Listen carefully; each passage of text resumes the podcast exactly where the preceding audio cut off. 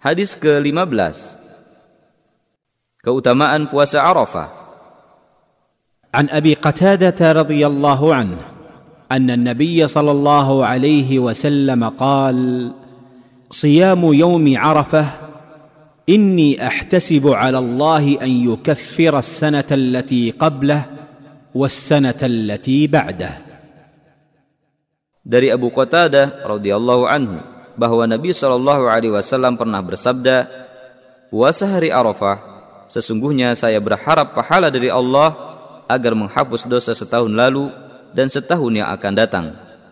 Hadis riwayat Tirmidzi dan juga penggalan riwayat Muslim nomor hadis 1162 dan ini lafaz Tirmidzi.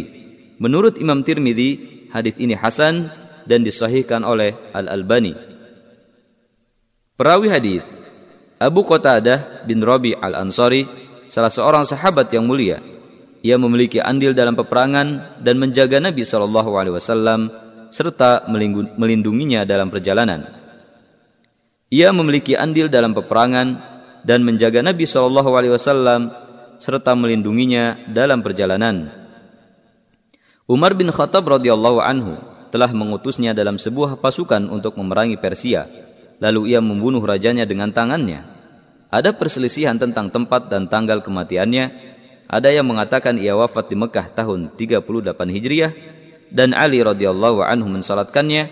Ada pula yang mengatakan bahwa ia wafat di Madinah pada tahun 54 Hijriah. Dan ada pula riwayat yang lain. Beberapa faedah hadis ini adalah hadis ini menganjurkan agar berpuasa Arafah bagi yang tidak sedang menunaikan ibadah haji yang dimaksud dengan dosa dalam hadis ini yaitu dosa-dosa kecil. Adapun dosa-dosa besar, maka tidak diampuni dengan puasa Arafah kecuali dengan taubat yang jujur dengan persyaratan-persyaratannya.